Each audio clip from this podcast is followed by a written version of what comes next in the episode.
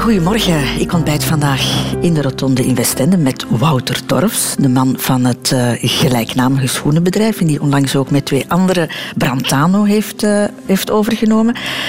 Negen keer verkozen tot beste werkgever, Wouter. Hoeveel keer als beste winkelketen? Oh, beste winkelketen al sinds dat uh, de prijs wordt uitgereikt. Ik denk twaalf keer nu. Twaalf keer al. En dan ook nog beste webshop ook al een aantal keren. Ja, ja daar zijn we ook heel fier op. Kijk je altijd naar iemands schoenen als je ergens binnenkomt? Ja, dat is toch uh, een lichte vorm van, van beroepsmisvorming, omdat mijn blik spontaan naar beneden afdwaalt. En kijk je dan ook of het een merk is dat bij jou in de winkels ah, ja, ligt? natuurlijk, of ze bij ons gekocht zijn. Moet ik mijn niet. schoenen laten zien nu? Ik heb ze al gezien, Christel. Ik heb ze al gezien en ze komen niet van bedtorps. dat begint al goed. Radio 2. De Rotonde met Christel van Dijk. Wouter Torfs, de rotonde van jouw leven, met alle afslagen die jij daar opgenomen hebt, die gaan we vandaag eens in kaart brengen. Kan jij voor jezelf zeggen wat voor type beslisser jij bent? Ik denk dat ik iemand ben die, die beslist vanuit de combinatie tussen het hoofd en het hart. Dus ik zal wel, wel analytisch voor's en tegens op een rijtje zetten. Maar uiteindelijk moet het ook kloppen met mijn buik, met mijn hart. Ah ja. En als dat is, als, als analyse overeenstemt met, met, met buikgevoel, dan weet je dat de beslissing goed is. Als het over keuzes gaat, Wouter, dan moeten we een stuk in het verleden kruipen natuurlijk. We gaan uh, heel veel terugblikken. Mhm. Doe jij dat ook regelmatig?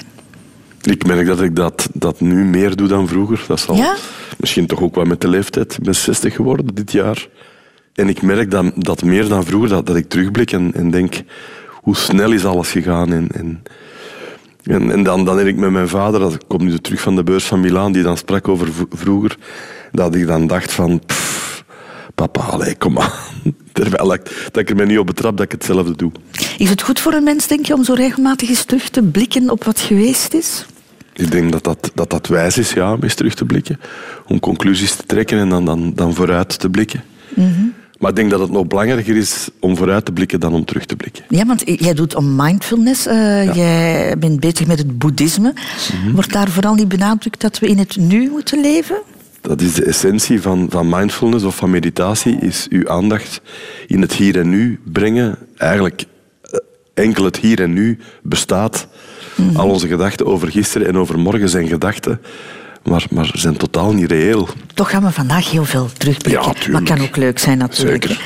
Je bent een bekend eh, persoon, een bekende ondernemer in, in jouw geval. Het bedrijf heeft een Wikipedia-pagina, maar jij persoonlijk niet, Wouter. Nee, Christel, moet ik dat hebben? Nee, hoeft niet, want wij zorgen er gewoon voor Oh. dat er wel een Wikipedia-pagina van jou eh, geweldig. komt. Eh Han Koeken die, eh, heeft dat voor jou gemaakt. En ik denk dat we daarin jou veel beter leren kennen dan in een traditionele Wikipedia-pagina. Oké, dat is verrassend. Wouter Torfs is geboren te Lier op 24 april 1958 als oudste van vier kinderen. Moeder Vera omschrijft haar gezinsoudste als een enorm gemakkelijk kind. En ook Nooit problemen, eigenlijk altijd goed gezind en opgewekt kind. Misschien, misschien wel een beetje dominant, maar dus, eh, ten opzichte van de, van de andere kinderen. Hè. Eh, als oud dan ook eigenlijk. Hè. Maar die dominantie werd niet als negatief ervaren. Integendeel, getuigt zijn trotse zus Marlies. Zij baande zowat de weg voor ons alle vier. Eh, dus alle stappen werden door hem eerst gezet. Bijvoorbeeld eerst keer naar de kleuterklas, eerst keer naar het laag onderwijs. En ja, de rest van ons die moesten eigenlijk gewoon een beetje, een beetje volgen. Behalve zijn aangeboren leiderschap beschikte jonge Wouter ook nog over een hart van goud, weet zus Marlies. Wij sliepen als klein kindje sliepen wij ook samen op de kamer. En ik weet nog, als ik eh, wakker werd s'nachts en ik had een nachtmerrie, ik ging altijd naar hem eh, om getroost te worden. Zachte Wouter was een positivist. Ook naar school gaan betekende voor hem een feest. Zeker omdat hij daar samen in de klas zat met zijn neef Patrick. Wij zaten in de Latijn-Griekse, dat was een kleine klas. Wij, wij gingen graag naar school, eh, wij deden heel actief mee. Maar dat was ja, soms om het zotje ermee te houden. Hè.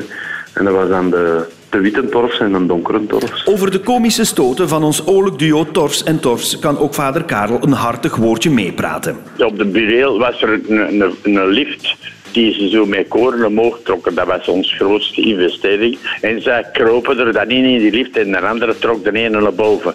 En dan lieten ze uh, al eens zitten, dus halverwege dat ze er niet uitkomen. Zijn passage bij de rechten aan de KU Leuven verliep ook niet onopgemerkt, vertelt studie- en jeugdvriend Wim Truijens. Hij was een bevlogen spreker. En hij was ook een meester in de mensen er zachtjes uh, door te halen. Uh, zo op zijn vloers. Velours, de, de, de kledij, de, de stoffen. En ja, zo is hij als een clubnaam gekomen, de vloerendeurtrekker. De vloeren. En die bevlogen vloeren kwam ook in het vizier van ene Annemie, die niet alleen onder de indruk was van zijn innerlijke talenten, maar ook bouche bée stond van zijn verschijning. Een Scandinavisch type, heel blond en redelijk lang haar. Wat ja, pagekop niet, maar toch zo wat, ja, redelijk lang toch. Schoonmanneke. En omdat het beschrijven van de liefde zo mooi kan zijn, gaat Annemie nog even door in de liefdesomschrijving van haar blonde vloeren. Dat was een toffe kerel. Een toffe, schone, jonge gast.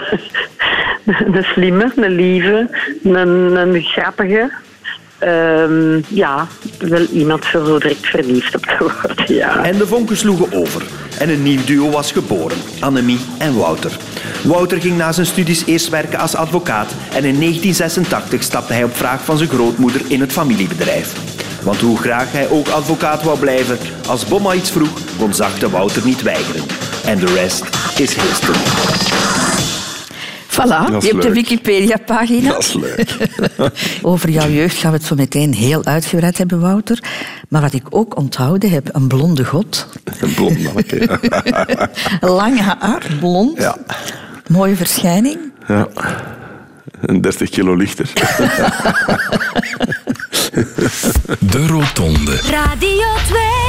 Radio 2. In de rotonde Wouter Torfs gaan wij ervan uit dat de eerste afslag in het leven geboren worden is. En vooral geboren worden in een bepaald gezin.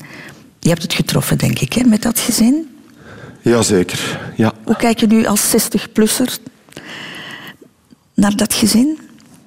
Ah, ik denk dat, dat, dat wij in een, in, een, in een warm nest geboren zijn.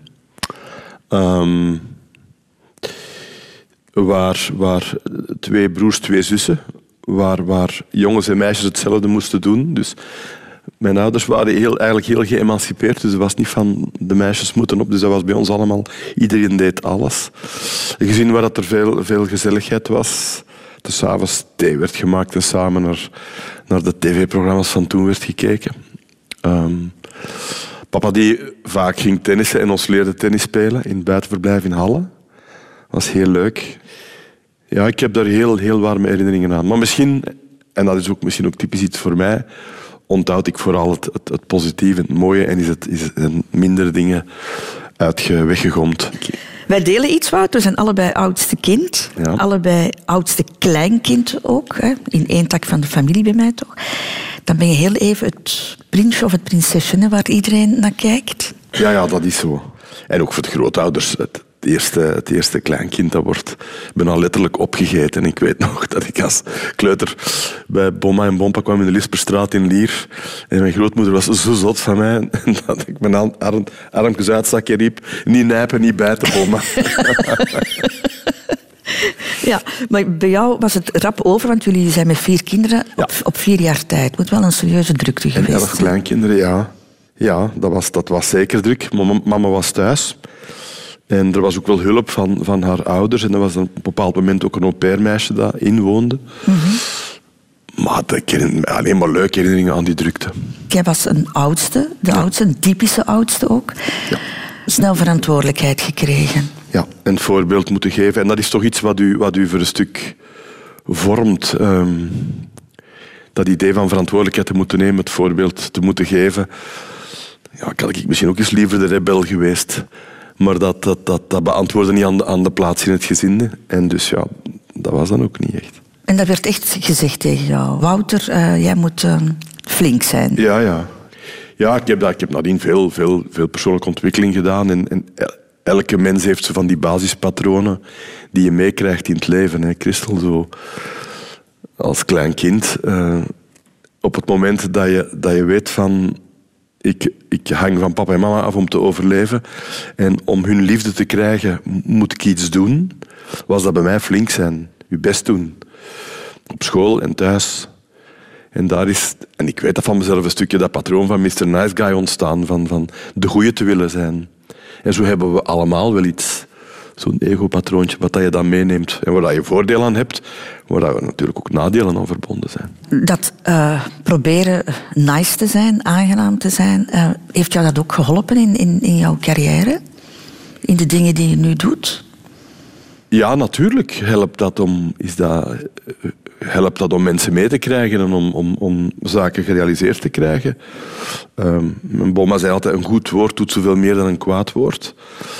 Maar als het een patroon wordt en je hebt geen keuze en je, je moet altijd nice zijn, ja, dan gaat dat hinder ondervinden van, van, van het patroon.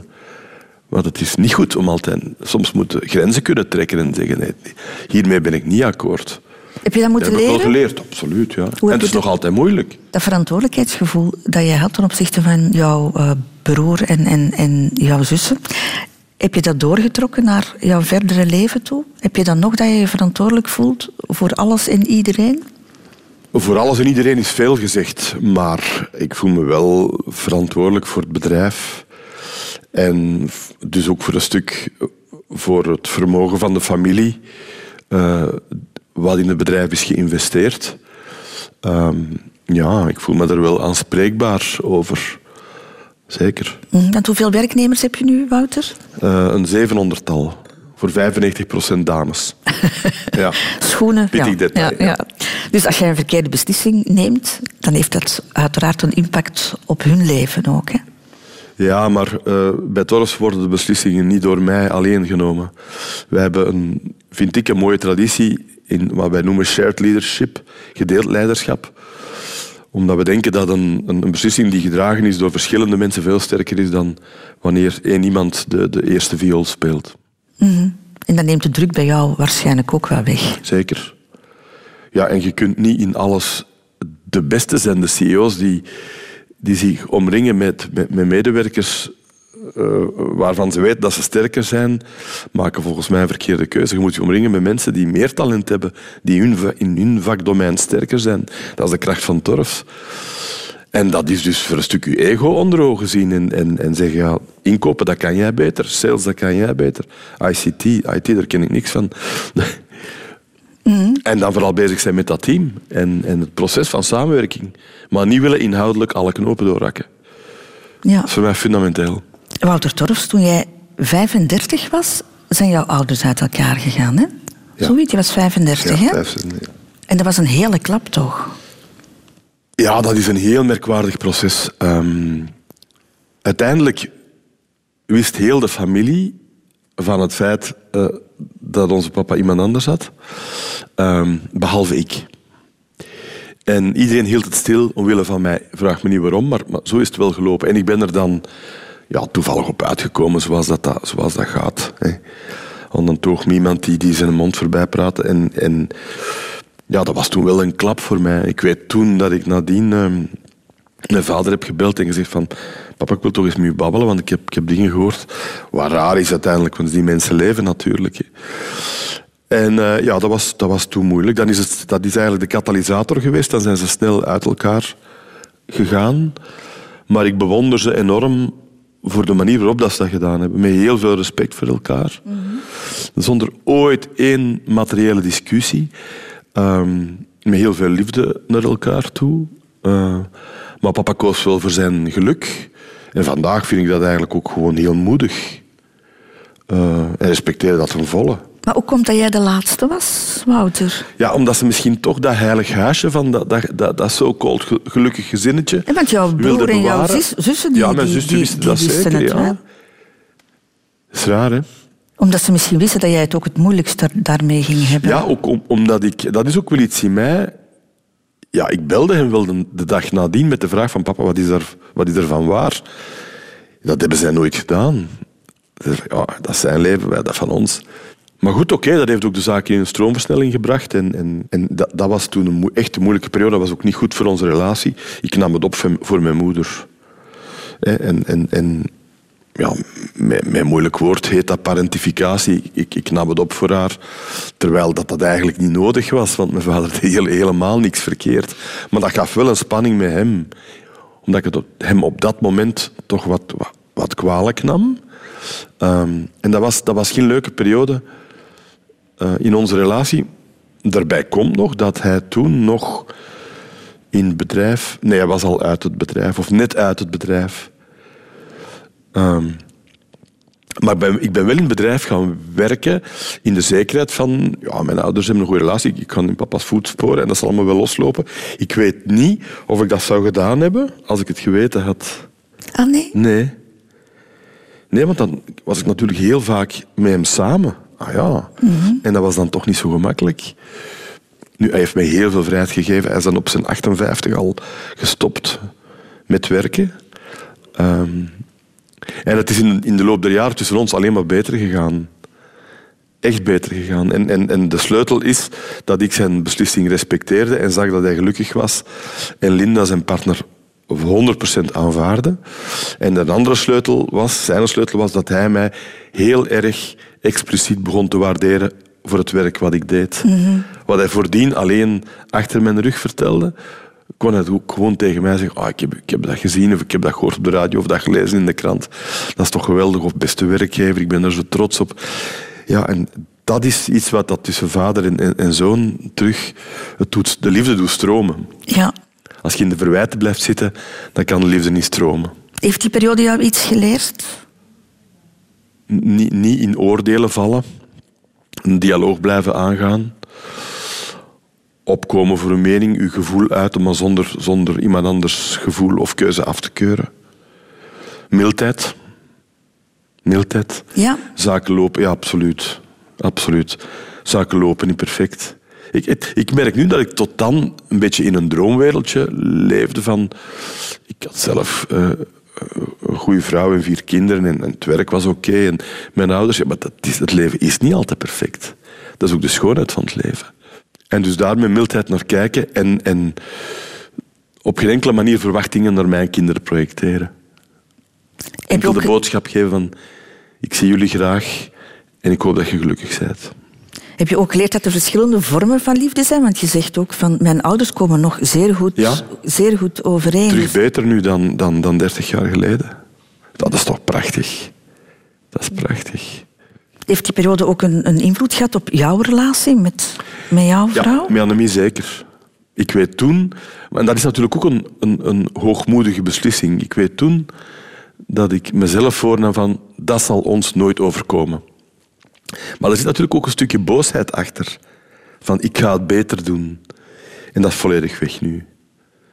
We doen het anders, maar het is niet beter. Maar jullie zijn nog altijd samen. En wij zijn nog altijd heel gelukkig samen, ja. De schoenen, Wouter Torfs. Daar ben je grootgebracht. hè. Jouw overgrootmoeder langs vaders kant is daarmee begonnen. En jouw grootouders zijn diegenen die voor het eerst onder de naam Torfs zijn beginnen verkopen. Ja, goede research gedaan. Ja, Klopt. goed. Ja. Fantastisch. Ja. Hoe dikwijls werd er bij jullie thuis over schoenen gepraat? Oh, eigenlijk niet veel. Nee? Men- nee, mensen denken dat wij boven de schoenwinkel woonden, maar dat is niet waar. Wij woonden gewoon in een, in een huis op de Antwerpsteenweg in Lier en de winkel was in Lier. En papa zijn bureau was in Lier. En die deed ons morgens naar school en die pikte ons middags aan, aan school op en dan aten wij en dan gingen we terug.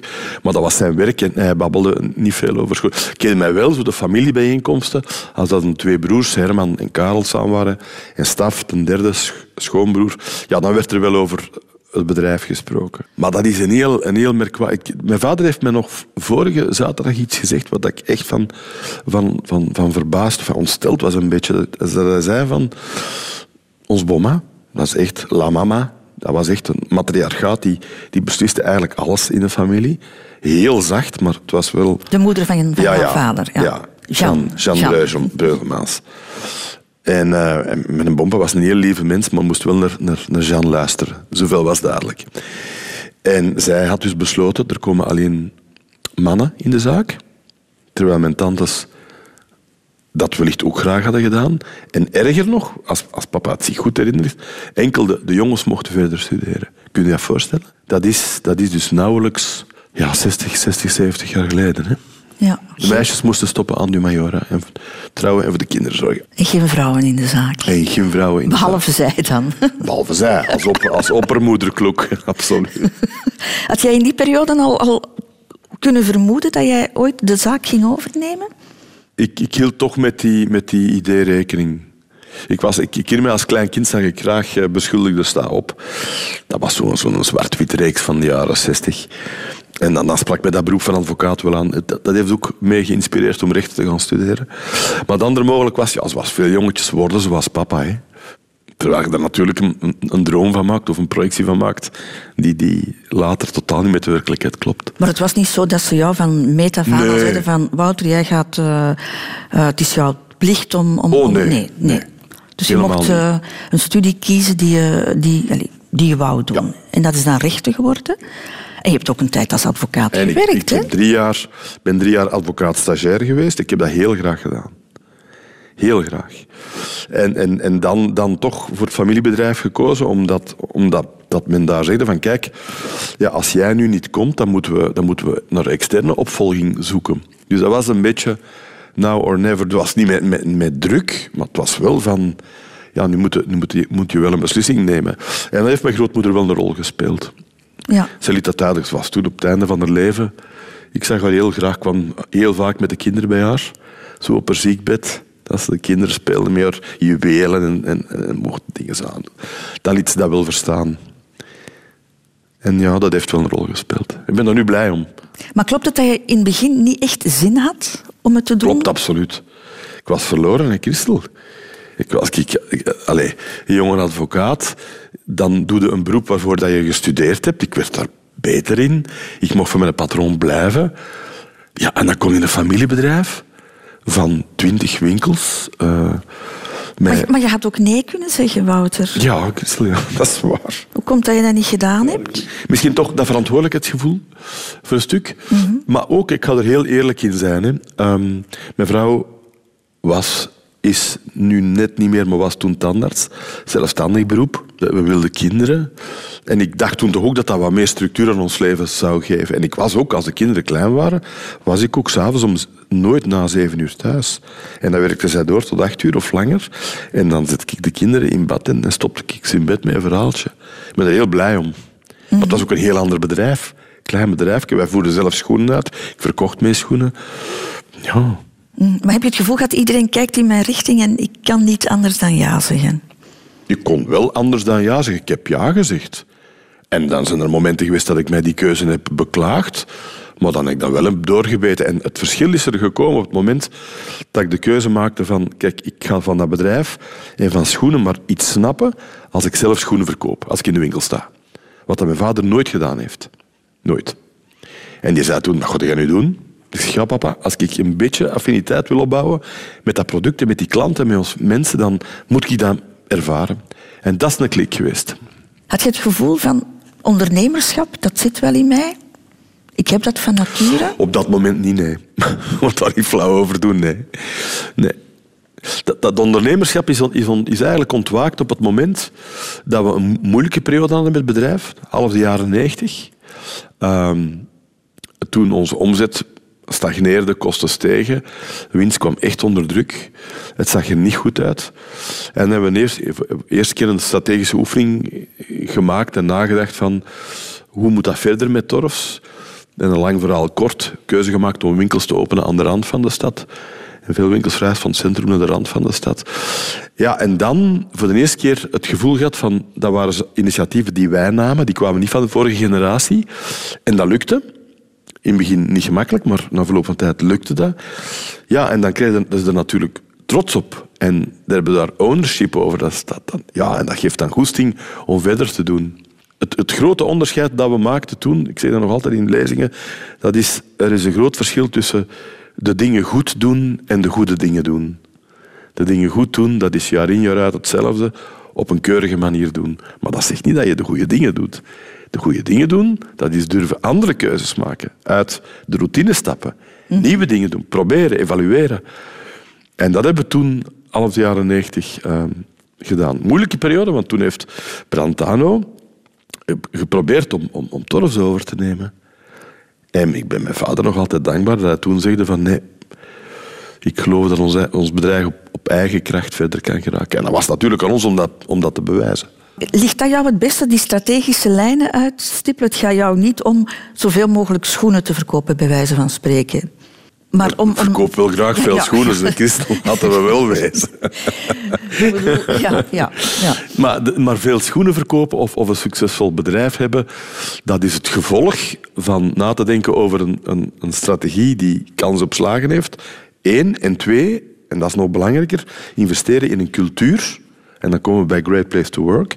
In een cultuur waar dat mensen met plezier komen werken, schouder aan schouder werken en met hart en ziel voor het bedrijf werken. Het is die combinatie van keuzes maken en cultuur.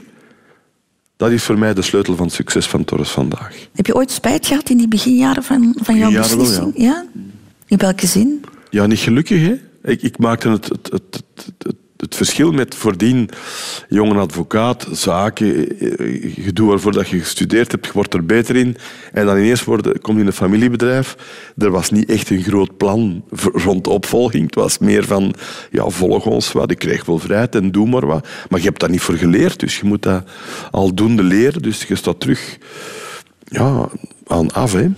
Je hebt er ook voor gekozen, Wouter, om een bekende ondernemer te zijn. Hè? Je komt regelmatig op televisie. Mhm. Waarom doe je dat? Ja, want je hebt meegedaan aan Slimste Mens bijvoorbeeld. Op, eh, Ja, dat was een korte, een korte passage, Christel. dat was een keer. Maar goed, topstarters op één, Ja, succesrijk op, Ja, op, VTM. Dat is waar. Ja, en dan wel wat actualiteitsprogramma's. Wel, twee dingen. Ik denk dat, dat, ehm, dat we als, als, als ondernemer, als werkgever, ook een maatschappelijke rol hebben. En ehm, ik zie heel vaak ondernemers aan de zijkant, aan de politici zeggen dat, dat ze niks van bakken, maar zelf, zelf niet met een alternatief komen. Dus ik vind, als je een mening hebt, speak up. En, en ik krijg dan soms de wind van voor, want dan zeggen ze, schoenmaker blijft bij uw lees. Dan denk ik van, allee, ik heb toch ook recht op een mening en, en je moet het niet eens zijn. Dus ik vind dat, dat ondernemers hun stem mogen laten horen in het maatschappelijk debat. Ik heb wel geleerd om mij weg te houden van partijpolitiek. Want als klanten ja, zit het natuurlijk over het hele spectrum. En wat de kiezer doet in het stemhokje, kan de klant doen in de winkel. Hè. Dat is kopen of niet kopen, omdat je met een bepaalde kleur wordt. wordt. Dus dat, dat doe ik niet. Maar je vindt het belangrijk dat, dat Ja. Torfs ook een gezicht heeft. Ja, dat, heeft denk ik Torfs eh, geen windeieren gelegd. Dat maakt het bedrijf ook kwetsbaar, want als, als er iets fout loopt, zal het natuurlijk ook heel, heel persoonlijk worden. Hè. Maar, maar dat doe ik ook omdat, eigenlijk om, om aan te tonen dat het, eigenlijk wat ik altijd zeg, dat het ook anders kan. Hè, Dat, dat ondernemen of een bedrijf leiden niet alleen dient te vertrekken van zoveel mogelijk winst maken en, en, en, en mensen ja, gebruiken. En, en alleen, de aandeelhouder, de, alleen de aandeelhouder die het telt. En dat is wel iets wat dat mij passioneert. En wat dat mij nu de laatste jaren echt nog, nog drijft om verder te doen. Omdat ik ervan overtuigd ben dat juist door die menselijke keuzes te maken, dat bedrijf zo, zo, zo, zo mooi gegroeid is. Er zijn er heel veel bedrijven die anders, die anders vertrekken, die, die alles opzetten, alles investeren in, in strategie, in winst maken, winstmaximalisatie. En dan, als het goed is, een stukje van die winst delen. Wij draaien het om. Ik geloof door eerst te investeren in mensen, in mensen sterk te maken, talenten te laten ontwikkelen, dat ze met plezier komen werken, dat dat op, op een of andere manier terugkomt naar het bedrijf. Dus eigenlijk zou je meer kunnen verdienen dan wat je nu doet. Hè? Als ik het zo hoor. Wij zouden meer winst kunnen maken, Christel, dan dat we vandaag doen. Ja. Maar wij vinden het dus als familie belangrijk dat, dat, dat, een, een, dat Torfs niet alleen ten dienste staat van de aandeelhouder, maar ook van de medewerker, de klant en de samenleving een stuk. Dat is onze visie op, op bedrijfsvoering. En daar ben ik wel trots op. De liefde, Wouter Torfs. We hebben het daar straks al over gehad, hè, even voor eh, negen uur. Jouw ouders die zijn op latere leeftijd gescheiden. Jij was 35. Het was voor jou een enorme klap, want je had het niet zien aankomen. En toen heb jij beslist, dit gaat mij niet overkomen. Ja. Overmoedig een beetje? Dat is overmoedig, natuurlijk. Dat zou ik nu nooit meer, nooit meer eh, herhalen. Dat had wel een positieve intentie. Dat, dat, dat, ja, positief was dat je, ja, laat ons proberen samen te blijven. Maar het is absoluut overmoedig om te zeggen dat dat zal mij nooit overkomen. Kan natuurlijk iedereen overkomen. Hè. En het is ook een beetje gelukkig, Christel. Allee, het, is, is, is een lotje uit de loterij. Ja, Als je elkaar, als je 18 en 17 zij leert kennen, dan zijn er wel totaal andere mensen dan, dan, dan 40 jaar later. En, en dat dat verhaal blijft kleven of dat die verstandhouding blijft of, of, groeit. Ik ben er ook heel nederig in. Dat is ook gewoon geluk. We zullen er wel lessen uitgetrokken hebben, ons best gedaan hebben. Maar dan nog. Heb jij liefde gezien thuis ook? Voor ze Ja. elkaar? Ja? Ja. Pakten die elkaar vast? Werd er geknuffeld? Eh, Ik herinner mij beelden als ik, als ik echt klein ben, wel ja. Later, later, min, later niet meer. Het is, het is wel heel belangrijk. dat je dat ziet als kind. Dat je dat ziet als kind. En, en, en dat is ook een van de dingen die ik mij voorgenomen had. Van op een bepaald moment... Ik was toen, ik denk, 13, 14 jaar. Ik kwam terug van het kamp van de KSA. En, en voordien gaven we altijd een kus. En dan om een of andere reden, als we gingen slapen, onze ouders. En om een of andere reden hield dat toen op. En ja, ik zat er wat mee, mee gevrongen. Ik vond dat Hoe ongemakkelijk. oud was je toen? Ja, klein. Hè. Ja, ik denk 12, 13 jaar. Zo begin van de puberteit. En ik weet wel dat ik, dat, dat ik me dat voor heb genomen van ik ga fysiek contact met mijn kinderen houden. Ze vastpakken, ze, ze knuffelen, kus geven en dat zeggen. En dat, dat, dat, dat is wel iets dat wij absoluut allebei zijn blijven doen. Ik heb mij ook wat verdiept in jouw liefdesgeschiedenis, Wouter. Een echt spannend boek kunnen we daar niet van maken. Hè? er zijn niet zoveel meisjes gepasseerd. Dat werd ons toch ook bevestigd door, door, door jouw zus, door Ah, ja, jouw ja, vrienden. nee. Nee. Ik geloof dat Annemie mijn, mijn tweede liefje was. Dus liefdesverdriet heb jij niet echt gekend dan? Ja, van mijn eerste lief wel. Is het echt? Ja, ja, ja. Dat zie ik nog zo voor mij. Als ze, als ze luistert, ze zal het wel weten. Vanaf gezien?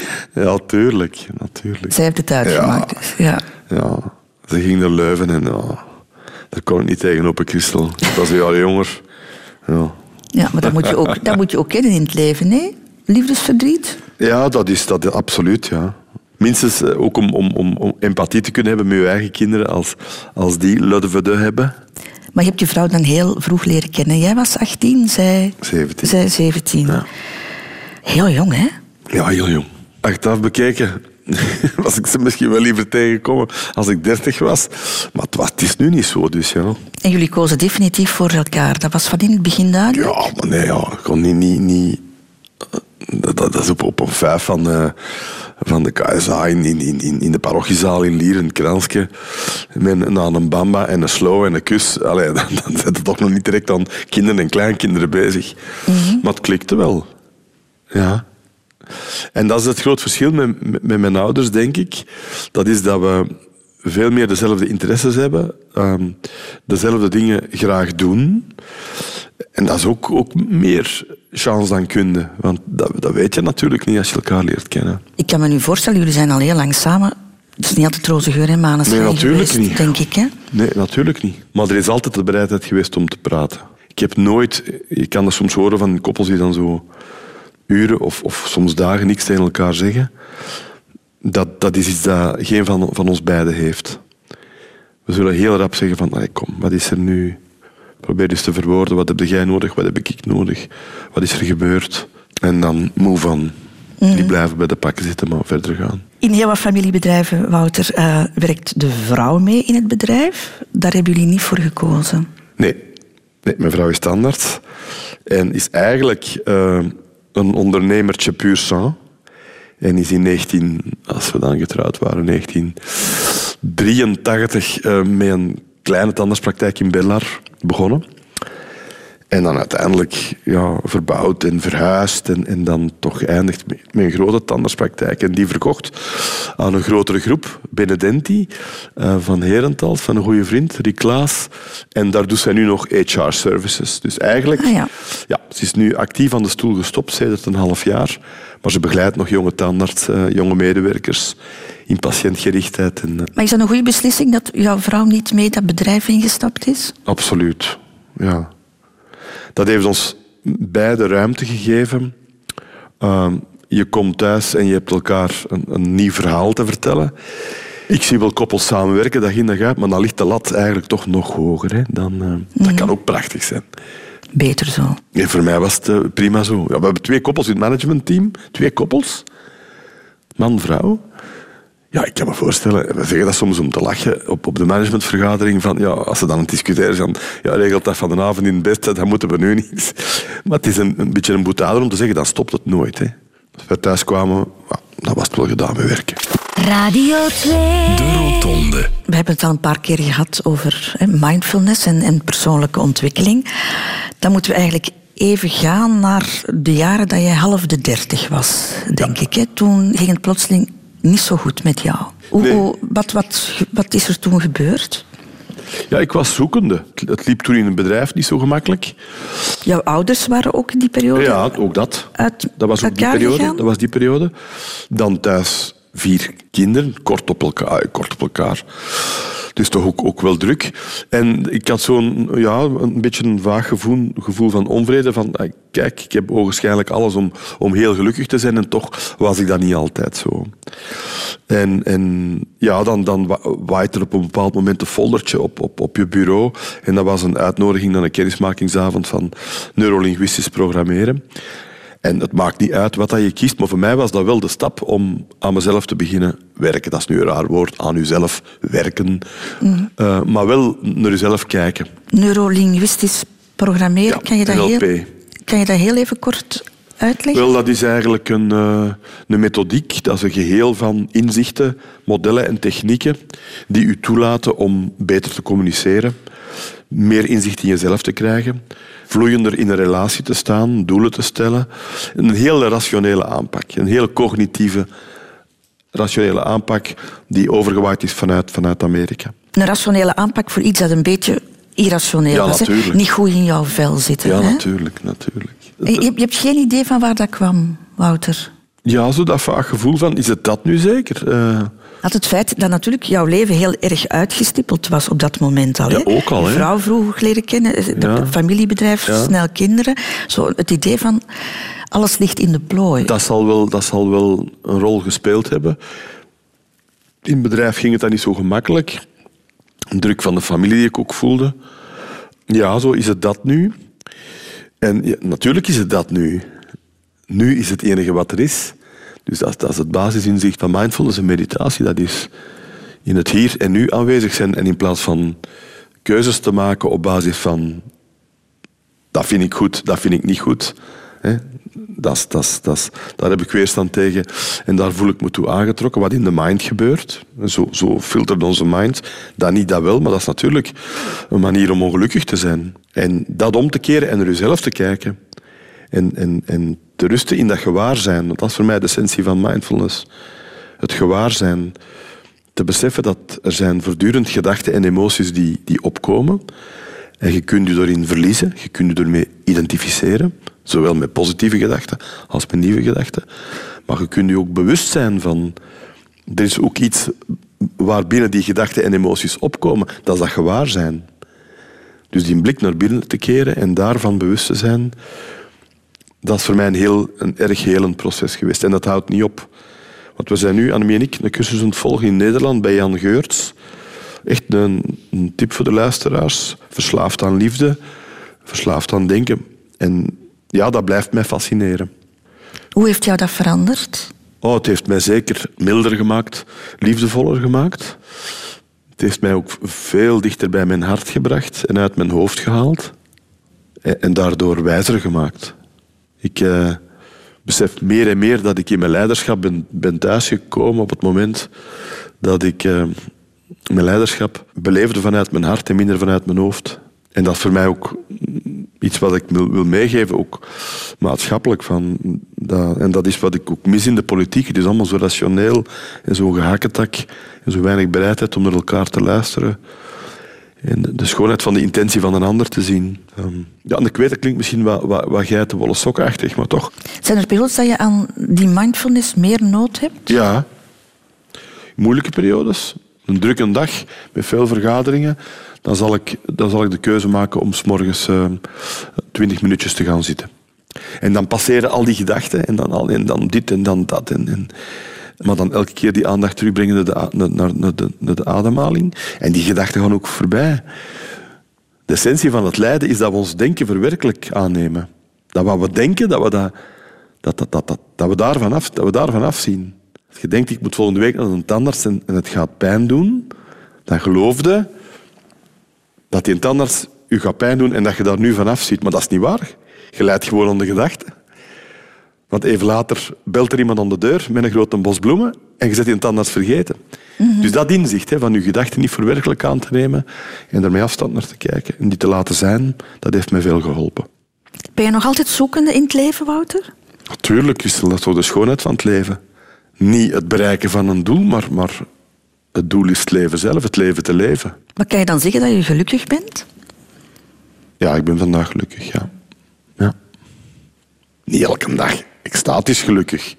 Maar er is een, een diepe onderstroom van gelukkig zijn. En dat is, dat is meer aanwezig dan 30 jaar geleden.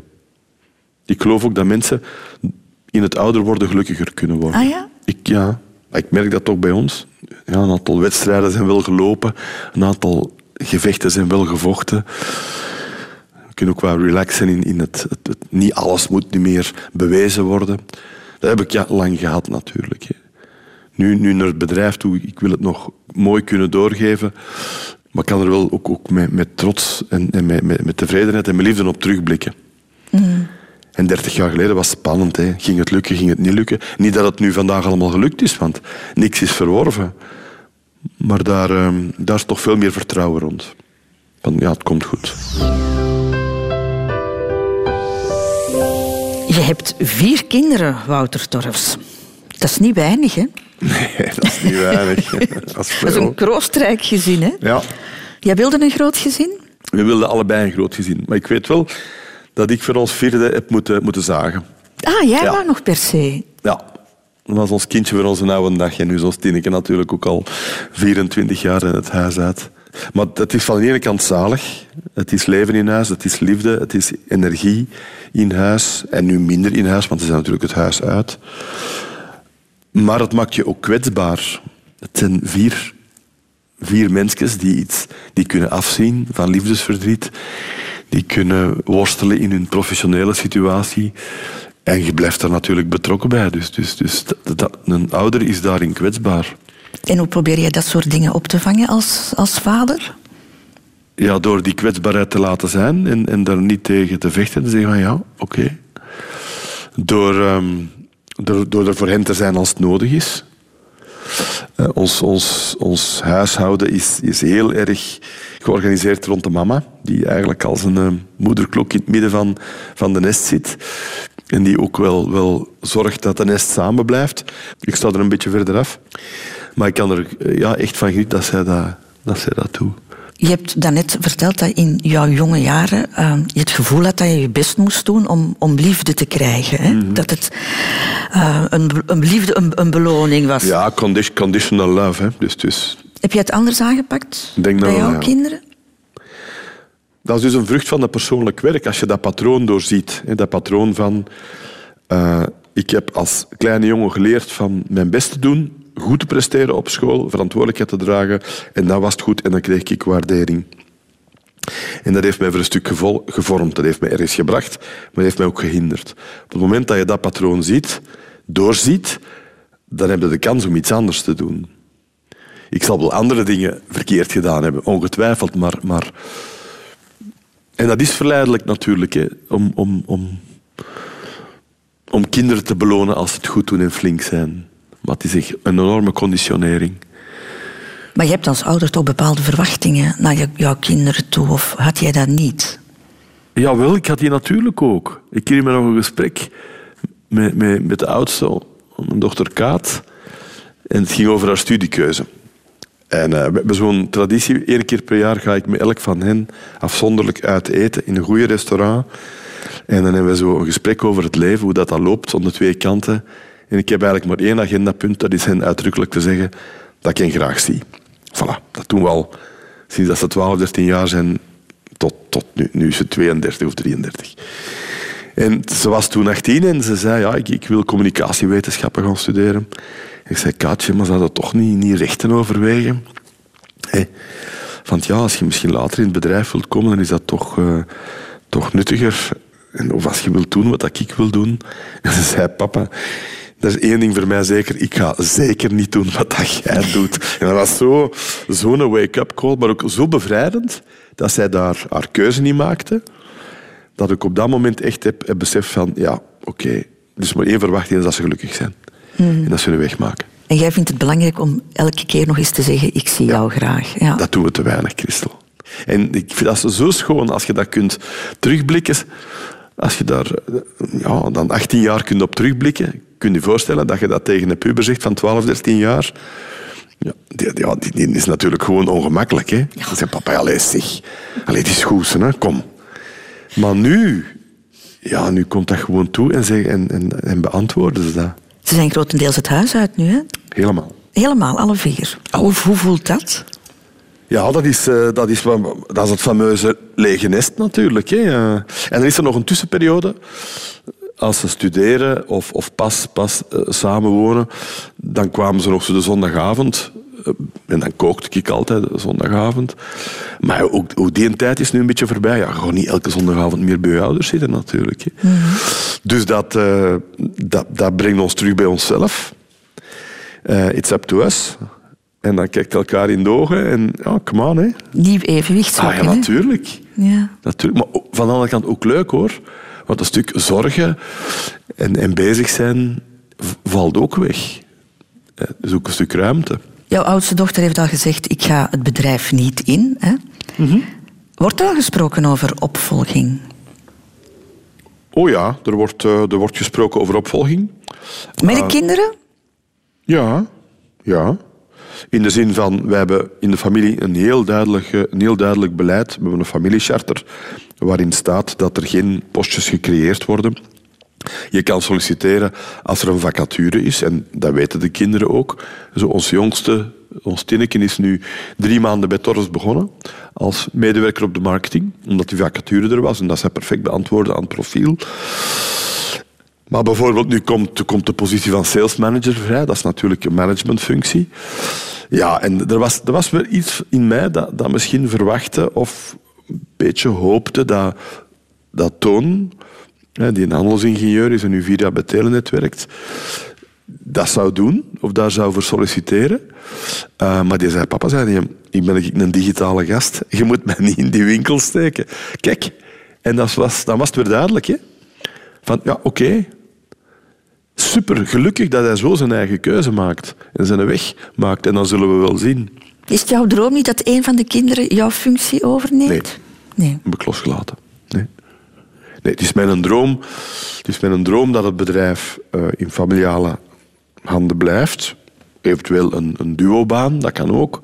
Ehm, maar echt niet, niet gekoppeld aan een van onze kinderen. Nee. Ga je het kunnen loslaten, Wouter? Dat denk ik wel, Christel. Ja? Ja? En er zal ook een stuk opluchting zijn in het, eh, in het loslaten. Ja. Het is toch ook zwaar geweest. Ja. We zitten al bij de allerlaatste afslag. Mhm. Jij mag doodgaan. Doodgaan. Belangrijk. Je hebt nog wel even, maar ook niet oneindig meer. Hè? Nee, nee, nee, nee, nee. Ja, en ik heb eh, vier jaar geleden nierkanker gehad. En dan heb ik eigenlijk gewoon heel veel geluk gehad dat men, dat, dat men bij toeval op die tumor is uitgekomen. En, en dan ben ik, dan is er een nier weggenomen. En oké, je kan perfect mee een nier verder.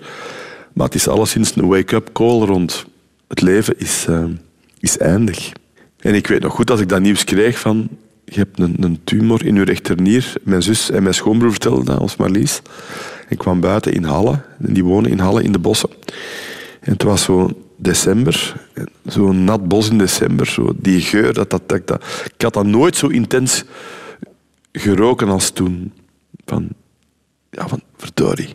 Ik hoop nog dat ik dat nog veel ga kunnen doen. Dat ik het nog ga weten lente worden en zomer worden en herfst worden. Dat, dat, maakt- dat zette mij wel op scherp. Hoe ben je dat te weten gekomen, dat je nierkanker had? Eh, Ah, ik had had, je... eh, ja, echt puur toevallig. Ik ben met een cardioloog eh, heel erg dankbaar. Ik eh, had of heb hoge bloeddruk. En zij zegde van, ja, ik kan u pilletjes geven, maar ik wil, ik wil, nu, ik wil onderzoeken van, van waar dat komt. En een van de onderzoeken was een routineonderzoek, de nieren. En toen zei ze, ja, die nieren is in orde, alleen je hebt een tumor. Als dat niet gebeurd was, ik voelde niks, hè. Was die gegroeid, was 4, 5 centimeter, was die, was die gebarsten, dan ben je naar verluid op een paar weken dood. Oh, dat is wel een ongelooflijke chance. Hè? Een chance. Ja. En dan denk ik, ja, misschien, misschien heb ik hier nog iets te doen. Is er boven iets, iets of iemand die zegt van nee, die moet nog iets doen. Je hebt dan een operatie ondergaan, maar geen verdere behandeling. Hè? Dus, eh, Nee. Je hebt ook een hoog percentage eh, slaagkansen gehad. Hè? Absoluut, ja, ja, ja. Ja, 95 procent. eh, ja, ja. En dan, dan ben ik vier of vijf keer op controle geweest en nu zei de dokter, je moet niet meer terugkomen. Eh, het is oké. Maakt u heel eh, nederig naar het leven toe, maakt, u heel, maakt mij heel dankbaar. Dankbaar om de kleine dingen. Veel minder de, de zaak voor, voor evident aannemen. Ja, heeft jij dat zo erg veranderd? Absoluut, ja. ja toch. toch. Heeft mij ook eh, absoluut veranderd naar mensen die ziek zijn. Waar ik vroeger niet, niet goed wist van. nou, bij ons op dit moment zijn er op een, op een populatie van 700 medewerkers zijn er 10 thuis met kanker. Dat is gewoon statistisch de realiteit. Ik zou vroeger niet geweten hebben wat ik aan die mensen moest zeggen, maar dat is voorbij. Ik kan die mensen nu gewoon aanspreken en, en vragen hoe is het. En ik, ik denk aan u en, en ja, dat brengt dat veel dichterbij. Kon je het aanvaarden, Wouter? Want je, je bent een ondernemer, succesvol. Alles wat jij aanraakte verandert in goud. Nu overdrijven Dat is wel een beetje, beetje- maar goed. dat is wel redelijk overdreven, ja. Maar kon jij aanvaarden dat er iets niet liep zoals jij het wilde? En dat je daar eigenlijk niks aan kon doen? Ja, ik kon dat aanvaarden. Het, het, het bracht mij, het leerde mij vooral de kwetsbaarheid van het leven. Maar de schoonheid, de schoonheid van het leven is juist met die kwetsbaarheid verbonden. Ehm, als het allemaal goed gaat, hè, en je bent gezond en er is geld genoeg, dan is alles ook zo normaal. Maar als je eens een tegenslag hebt gehad, dan beseft je dat, dat zaken niet zo normaal zijn. En, en zo'n zaken tegenkomen zijn momenten dat je spiritueel kan groeien. Dat zet de zaken op scherp. En dat heeft mij gewoon dankbaarder gemaakt. En gelukkiger ook. Als ik het zo hoor, stel dat je de klok kon terugdraaien en je kon dat hoofdstuk uit jouw leven halen. Nee, Nee. mag blijven. Ja, absoluut. Heeft mij ook dichter bij de dood gebracht, in de zin van geïnteresseerd in de dood gemaakt. Ik ben over de dood beginnen lezen. Eh, we zijn daar in het Westen kwijt. Hè? We moffelen de dood weg. We zien geen dode mensen. Dat, is, dat hoort er niet bij. We doen alsof dat we allemaal onsterfelijk zijn. Terwijl het dat natuurlijk niet is. En je bent erover beginnen lezen. Ja.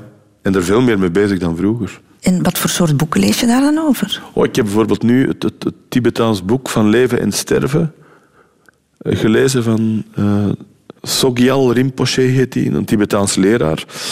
Die mensen kijken heel anders naar, naar, naar, naar doodgaan. Wat prachtige dingen wat hij vertelt over het aanwezig zijn bij iemand die sterft. Hoe dat je dat kunt doen op een mooie manier. Niet door veel te babbelen, maar door echt aanwezig te zijn. Eh, dat zijn we kwijt. En dat interesseert mij erg. Ons, mijn twee ouders leven nog, eind de tachtig, en mijn twee schoonouders leven nog. We moeten niet doen alsof dat die mensen eeuwig blijven leven. Dus Heeft het lezen daarover jouw mogelijke schrik voor de dood ook weggenomen? weggenomen niet, maar, maar wel dichterbij gebracht. En denk je dat er nog iets komt? Ik weet het niet, Christel. Ik, ik ben de, de, de, de, de, boeddhistische, Tibetaanse gedachte wel toegedaan van dat het lichaam waarin we leven een omhulsel is. Eh, Dat zie je ook als een dode mens. Als je een dode mens ziet, die is ontzield. Je ziet een lichaam, maar je ziet die ziel niet meer. Dat is niet meer dezelfde persoon die voordien ademde. Maar dan wat dan met, dat, met, met die geest, met dat bewustzijn? Ja, zij zeggen dat, dat die geest, dat bewustzijn, een stuk is van, de collect, van het collectieve bewustzijn en niet verloren gaat. Ik troost mij met de gedachte dat dat misschien waar is. Maar geen hemel met, met, met rijstpap en gouden lepeltjes, dat denk ik niet. nee. De grootste familie. Radio 2. Wouter Torfs, toch nog even heel snel naar de toekomst kijken. Wat wil jij nog doen? Oh, ik wil nog met heel veel energie en passie en goesting de Torfs het digitale tijdperk inleiden, want er verandert heel veel nu. Je kunt je je niet voorstellen hoe dat e-commerce op ons afkomt. Maar ik denk vanuit onze cultuur, waar, dat, waar dat mensen het verschil maken, denk ik dat we prima gewapend zijn om, om die uitdaging aan te gaan. Daar heb ik heel veel zin in. En dan, ja, last but not least, het, eh, het bedrijf dankbaar en met liefde overgeven aan, aan mijn opvolgers. hè. En dan van nu en dan nog eens binnenkomen op een nieuwjaarsreceptie. Zeg maar gerust. En dat iedereen zegt, de Wouter is er, wie Daar gaat is hem, erbij staan? Wie gaat erbij? Die oude wie is dat? ah ja, zo is dat, hè. Ik vond het heel fijn om met jou te ontbijten, Wouter. We zijn begonnen bij het jongetje dat heel erg aan verwachtingen van de buitenwereld eh, wou voldoen. En we zijn geëindigd bij de man die heel erg bij zijn innerlijke ik staat. Het was heel fijn dat je dat proces met ons wou delen. Dank je wel. Dat is heel fijn om te doen, Christel. En voor ik jou laat gaan, het gastenboek nog graag. Ja, het gastenboek. Beste Christel. Soms dienen woorden om stilte op te vullen. Soms worden woorden uit stilte geboren. Een echt mooi gesprek wordt uit stilte geboren. Ik voel me dankbaar en mild dat ik samen met jou de afslagen van mijn rotonde mocht verkennen en nieuwe perspectieven mocht ontdekken. Van harte, Wouter.